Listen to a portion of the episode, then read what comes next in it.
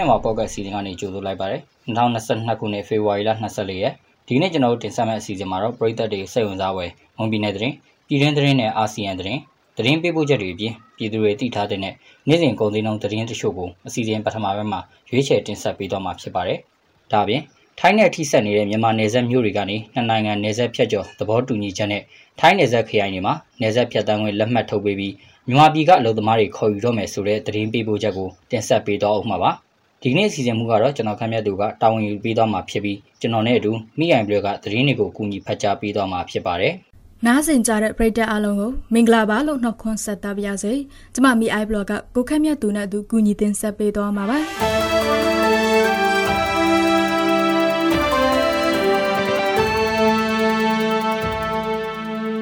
မွန်ပြည်နယ်အတွင်းမှာကိုဗစ်အတည်ပြုလူနာတွေကိုကုသပေးနေတဲ့ quarantine center တွေဟာအစိုးရထောက်ပံ့မရတာကြောင့်ကိုတူကိုရစနစ်နဲ့ဆောင်ရွက်နေရတယ်လို့ကိုဗစ်အရေးကူညီနေသူတွေကပြောပါတယ်။ကိုဗစ်အတည်ပြုလူနာတွေကိုသက်ဆိုင်ရာမြို့နယ်တွေရဲ့ရက်ကွက်ကြီးရွာတွေမှာကိုတူကိုရစနစ်နဲ့ quarantine center တွေဖွင့်လှစ်ပြီးစေကူတာပေးနေရတာဖြစ်ပါတယ်။နာဆကကောင်စီကတော့ကိုဗစ်အတည်ပြုလူနာတွေထဲမှာယောဂအခန့်ရှိသူနဲ့တက်ကြီးပိုင်းတွေကိုသာ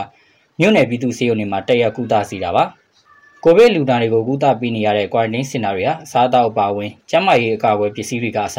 ကိုစီရေးနဲ့ကိုဆောင်ရွက်နေရပြီးနာဆာကကောင်စီဘက်ကစီးပွားတချို့ကိုသာထောက်ပံ့တယ်လို့ကိုဗစ်အရေးကူညီနေသူတူကပြောပါတယ်။တစ်ဖက်မှာလည်းပြည်내အတွင်းမှာကိုဗစ်ရောဂါကူးစက်မှုနှုန်းမြင့်တက်လာတဲ့အတွက်ဆက်လက်ကူညီနိုင်ဖို့အတွက်73စီအပါအဝင်ကျန်းမာရေးအကာအကွယ်ပစ္စည်းကအစလိုအပ်ချက်တွေရှိနေတယ်လို့ကိုဗစ်အရေးကူညီနေသူတွေကဆိုပါတယ်။ ဒီကနေ့မနက်ပိုင်းကစတင်ပြီးမြမရွှေစိဟာအကယ်ဒမီရွှေတကြက်သားကို16သိန်း2000အထိမြင့်တက်သွားတယ်လို့ပြင်ပတ်ရွှေစိကွက်ကနေသိရပါဗျ။အခုရက်ပိုင်းအတွင်းရွှေစိဟာအသက်ပတ်သို့ဥတည်နေပြီးနေ့စဉ်ပုံမှန်တထောင်ကျပ်ဝန်းကျင်ခန့်အသက်အကျရှိနေပါတယ်။မနေ့ကညနေပိုင်းအပိတ်ဈေးထက်ကျပ်2000ကျော်ဝန်းကျင်အထိတိုးမြင့်ရောင်းချလာတာဖြစ်ပါတယ်။ ရန်ကုန်တိုင်းရွှေလုံးဝဲရှင်များအသင်းရဲ့ထုတ်ပြန်ချက်အရမြမအကယ်ဒမီရွှေတကြက်သားကို16သိန်းကျော်စစ်အထိပြည်လည်မြင့်တက်လာပြီးနောက်ပိုင်း16သိန်းဝန်းကျင်ဖြင့်ပုံမှန်ဈေးငိမ်တက်ခဲ့တာဖြစ်ပါတယ်။ပြည်ပကနေတင်သွင်းတဲ့73စီတင်သွင်းမှုကိုမူဝါဒအရလျှော့ချပြီးအကန့်အသတ်နဲ့တင်သွင်းကလက်ရှိအသေးစားအသုံးစည်းကနေစပြီးအကောင့်ထဲဖော်နေတယ်လို့စီးပွားရေးနဲ့ကုသရေးဝန်ကြီးဝန်ကြီးဌာနပြည်ထောင်စုဝန်ကြီးဒေါက်တာပွင့်ဆန်းကပြောပါတယ်။73စီတင်သွင်းသူတွေနင်းနာမှုမရှိစေဖို့နဲ့စားသုံးသူပြည်သူတွေလည်းထိခိုက်မှုမရှိစေဖို့ဗ ဟိုဘဏ်ရဲ့ဒေါ်လာဈေးနဲ့ဈေးနှုန်းတွက်ပြီးစီစဉ်ဆောင်ရွက်ပေးခဲ့တာ9လရှိပြီလို့ဆိုပါတယ်။တင်သွင်းဖြန့်ဖြူးသူတွေကလည်းအယောင်းဝယ်သဘောအရအမျက်ရရှိရေးကိုပဲအဓိကမထားပဲစားသုံးသူပြည်သူတွေအဆင်ပြေဖို့ဦးစားပေးဆောင်ရွက်ဖို့ပြောဆိုထားပါတယ်။ကမ္ဘာစားသုံးစီဈေးကွက်မှာဈေးနှုန်းတွေမြင့်တက်နေလို့ပြည်တွင်းဈေးကွက်ကိုရိုက်ခတ်နေပါတယ်။ကမ္ဘာဈေးနှုန်းဟာအခုနှစ်ဇန်နဝါရီလအတွင်း73စီတန်ကိုပြန်မျှဒေါ်လာ1550ကနေအခုပတ်အတွင်းပြန်မျှအပြင်ဒေါ်လာ1640အထိမြင့်တက်လာတယ်လို့ဆိုပါတယ်။ဟုတ်ကဲ့ဆက်လက်ပြီးတော့ကချင်ပြည်နယ်ဖားကက်မြို့နယ် ကားမိုင်းလဝါလန်းဆောင်ဂိတ်မှာကချင်လွတ်လပ်ရေးတပ်မတော် KIA နဲ့စစ်တပ်တို့ဒီကနေ့မနက်9:00နာရီကစပြီးထိုက်တိုက်တိုက်ပွဲဖြစ်ပွားနေပါတယ်။ကားမိုင်းစစ်တပ်ဗျူဟာဘက်ကလက်နက်ကြီးတွေနဲ့ပစ်ကူနေပြီးနှစ်ဖက်တိုက်ပွဲပြင်းထန်နေတယ်လို့သိရပါတယ်။လက်နက်ကြီးပစ်ခတ်မှုတွေရှိလို့ကားမိုင်းကျေးရွာပြည်သူတွေဘေးလွတ်ရာကိုတင်းရှောင်ဖို့ပြင်နေကြတယ်လို့သိရပါတယ်။စစ်တပ်နဲ့ကချင်လွတ်လပ်ရေးတပ်မတော် KIA တပ်မဟာကိုအောင်တိုက်ရင်45တို့တိုက်ပွဲဖြစ်နေကြတာဖြစ်ပါတယ်။ ဖားကတ်လမ်းပိုင်းရှိအစစ်အစေးကျန်းတဲ့စစ်တပ်မိုင်းစစ်စေးရဲဂိတ်ကို KIA PDF ဘူပေါင်းတပ်ဖွဲ့ဝင်တွေဝင်တိုက်ပြီးစစ်တပ်မှအ ਨੇ ဆောက်2ဦးသေပြီးတနက်9လက်သိမ်းဆီးနိုင်ခဲ့တယ်လို့ KIA ကဆိုထားပါတယ်။စစ်စေးရဲဂိတ်အနီးကပြည်သူတို့လည်းတေဆောင်ခဲ့ပြီးမိနစ်90ခက်ပြစ်ခတ်မှုတွေဖြစ်ခဲ့တာဖြစ်ပါတယ်။မြမအရေးကိုဖြည့်ရှင်းနိုင်ဖို့ဂျပန်နိုင်ငံနဲ့ပူးပေါင်းဆောင်ရွက်သွားမယ်လို့အာဆီယံအလှည့်ကျဥက္ကဋ္ဌနိုင်ငံဖြစ်တဲ့ကမ္ဘောဒီးယားနိုင်ငံဝန်ကြီးချုပ်ဟွန်ဆန်ကပြောဆိုထားပါတယ်။ ဂျပန်ရန်ပုံငွေထောက်ပံ့မှုနဲ့ဆောက်လုပ်မဲ့ရေစိုးပြန်လည်တန့်စင်ရေးစက်ရုံပနတ်တင်အခမ်းအနားပြုလုပ်ချိန်မှာဝန်ကြီးချုပ်ဟွန်ဆန်ကအခုလိုပြောကြားခဲ့တာဖြစ်ပါတယ်မြန်မာပြည်တွင်အပြစ်ခတ်ရက်စဲပြီးလူသားချင်းစာနာထောက်ထားမှုအကူအညီတွေပေါ်ပေါက်ဖို့ရည်ရွယ်တဲ့သူ့ရဲ့မြန်မာပြည်ခီးစဉ်ကိုဂျပန်နိုင်ငံကအတိအမှတ်ပြုထားတာလဲဝန်ကြီးချုပ်ဟွန်ဆန်ကပြောဆိုခဲ့ပါတယ်မြန်မာလုပ်ငန်းစဉ်တွေအကောင့်ထဲပေါ်ဖို့ခက်ခဲပေမဲ့အာဆီယံမိဖက်တွေ ဂျပန်နိုင်ငံတို့နဲ့ပူးပေါင်းဆောင်ရွက်မယ်လို့ဝန်ကြီးချုပ်ဟွန်ဆန်ကပြောပါတယ်။ကမ္ဘောဒီးယားနိုင်ငံသားရေးဝန်ကြီးမြန်မာနိုင်ငံဆိုင်ရာအထူးကိုယ်စားလှယ်ပရက်ဆိုခွန်ဟာမြန်မာနိုင်ငံကိုမတ်လဒုတိယသတင်းပတ်မှာလာရောက်ဖို့ရှိနေပါတယ်။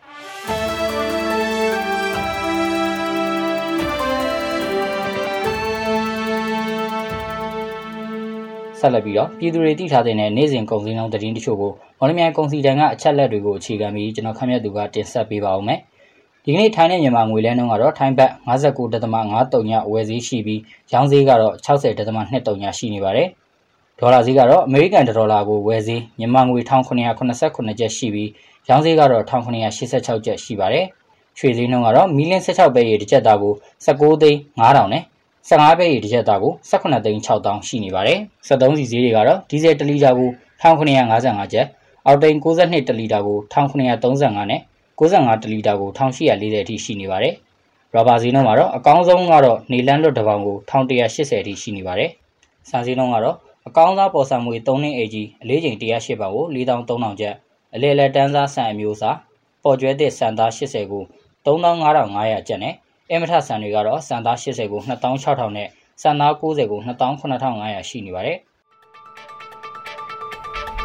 တော်ရရှင်များရှင် ကျမတို့ရဲ့ဝန်လန်းမြန်မာဖောက်ကမြန်မာဘာသာစီစဉ်ကိုအားပေးနားဆင်ကြတဲ့ပရိသတ်များရှင်ကျမတို့အတန်လွတ်စီစဉ်ကနေပြီးတော့မွန်မီနယ်အတွင်းဖြစ်ပျက်နေသောသတင်းများပြည်တွင်းငြိမ်းချမ်းရေးဖြစ်စဉ်များအပြင်မြန်မာနိုင်ငံသတင်းနဲ့အာဆီယံသတင်းများကိုအပတ်စဉ်တင်လာအင်္ဂါဗုဒ္ဓဟူးကြာသပတေးနေ့များတွင်ည9:00နာရီအချိန်တွင် Mon New Agency Facebook စာမျက်နှာတွင်ဝင်ရောက်နားဆင်နိုင်သလိုမွန်လန်းမြန်မာ Podcast စာမျက်နှာတွင်လည်းဝင်ရောက်နားဆင်နိုင်ပါပြီ။အားပေးကြတဲ့ပရိသတ်များအားလုံးကိုကျေးဇူးတင်ပါတယ်။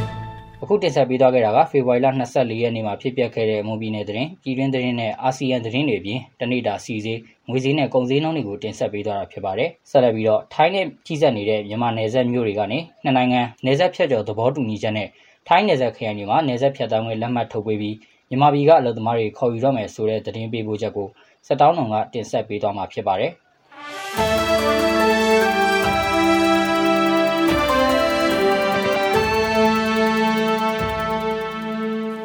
ဟုတ်ကဲ့ပါထိုင်းမြန်မာနယ်စပ်ဖျားတောင်စုခန့်စနာဘူးရီတာရနောင်းနဲ့ချင်းရိုင်ခရိုင်လေးခုမှာနယ်စပ်မြို့တွေမှာနိုင်ငံနယ်စပ်ဖြတ်ကျော်သဘောတူညီချက်အရထိုင်းနယ်စပ်ခရိုင်တွေမှာနယ်စပ်ဖြတ်တန်းခွင့်လက်မှတ်နဲ့အလော့သမားတွေခေါ်ယူတော့မယ်လို့ထိုင်းအလော့သမားဝန်ကြီးဌာနကအခုရက်ပိုင်းမှာပဲတွင်ထုတ်ပြန်ခဲ့ပါတယ်။ဒါကြောင့်မြန်မာနိုင်ငံကခရင်ပြည်နယ်ဖျားတောင်စုမြောက်ဝတီခေါ်တောင်းနဲ့ရှမ်းပြည်နယ်တာချီလိုက်ကနေနီးစပ်တဲ့တစ်ဖက်နိုင်ငံထဲကိုနယ်စပ်ဖြတ်ကျော်ခွင့်ပြုချက်တွေနဲ့တွားရောက်အလောက်လောက်ကင်တိုင်းမှာဖြစ်တယ်လို့မဲဆောက်မြို့အခြေဆိုင်မြန်မာပြည်သားများရေးပူးတွားလှောက်ရှားမှုကော်မတီ JACPA ဥက္ကဋ္ဌဦးမိုးချိုကပြောပါတယ်ထိုင်းနဲ့မြန်မာနယ်စပ်၄ခုမှာယာဒီလိုက်လုံသားခေါ်ဖို့ကိစ္စနဲ့ပတ်သက်ပြီးတော့ လုံဆောင်ရမယ့်လုပ်ငန်းဆောင်တာကိုထိုင်းလုံမဝန်ဌာနကနေပြီးတော့ဘယ်လိုလုပ်အောင်ဆိုအဆင့်၅ဆင့်ထုတ်ပြန်လိုက်ဒီရပိုင်းတွေမှာပဲအကောင့်ထဲပေါ်မယ်ထိုင်းရောက်မှာပဲစားစာရန်တွေကိုပြည့်ပြည့်စုံစုံပြုလုပ်ရမှာဖြစ်ပါတယ်အဲ့ဒီမှာ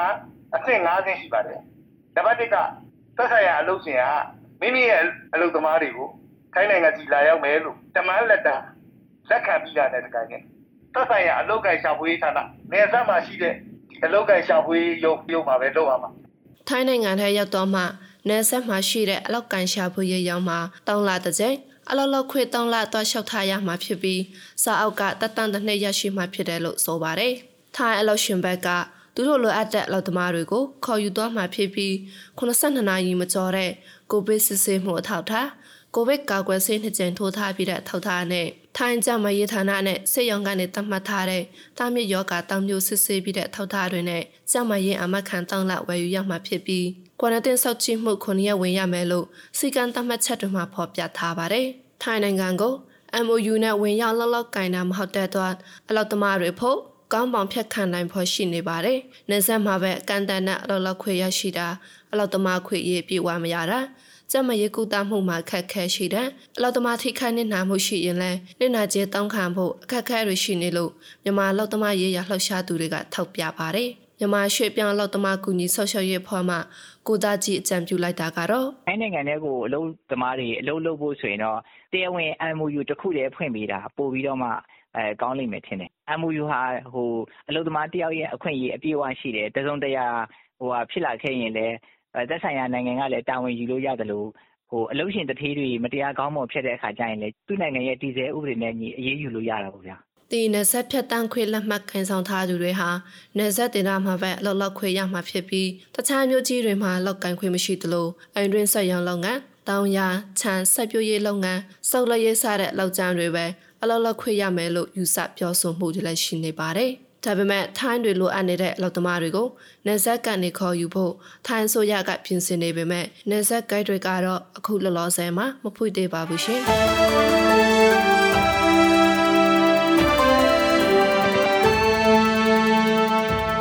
ကျမတို့ရဲ့မလဲမြန်မာဖောက်ကတ်အစီအစဉ်ဒီမှာတင်ပြီးဆုံးပါပြီ။နားဆင်ကြတဲ့ပရိသတ်အားလုံးကိုနောက်နေ့အစီအစဉ်တွေမှာဆက်လက်အားပေးကြပါအောင်လို့ဖိတ်ခေါ်ရင်းအစီအစဉ်ကိုအဆုံးသတ်ပါရစေ။အားလုံးကိုကျေးဇူးတင်ပါတယ်ရှင်။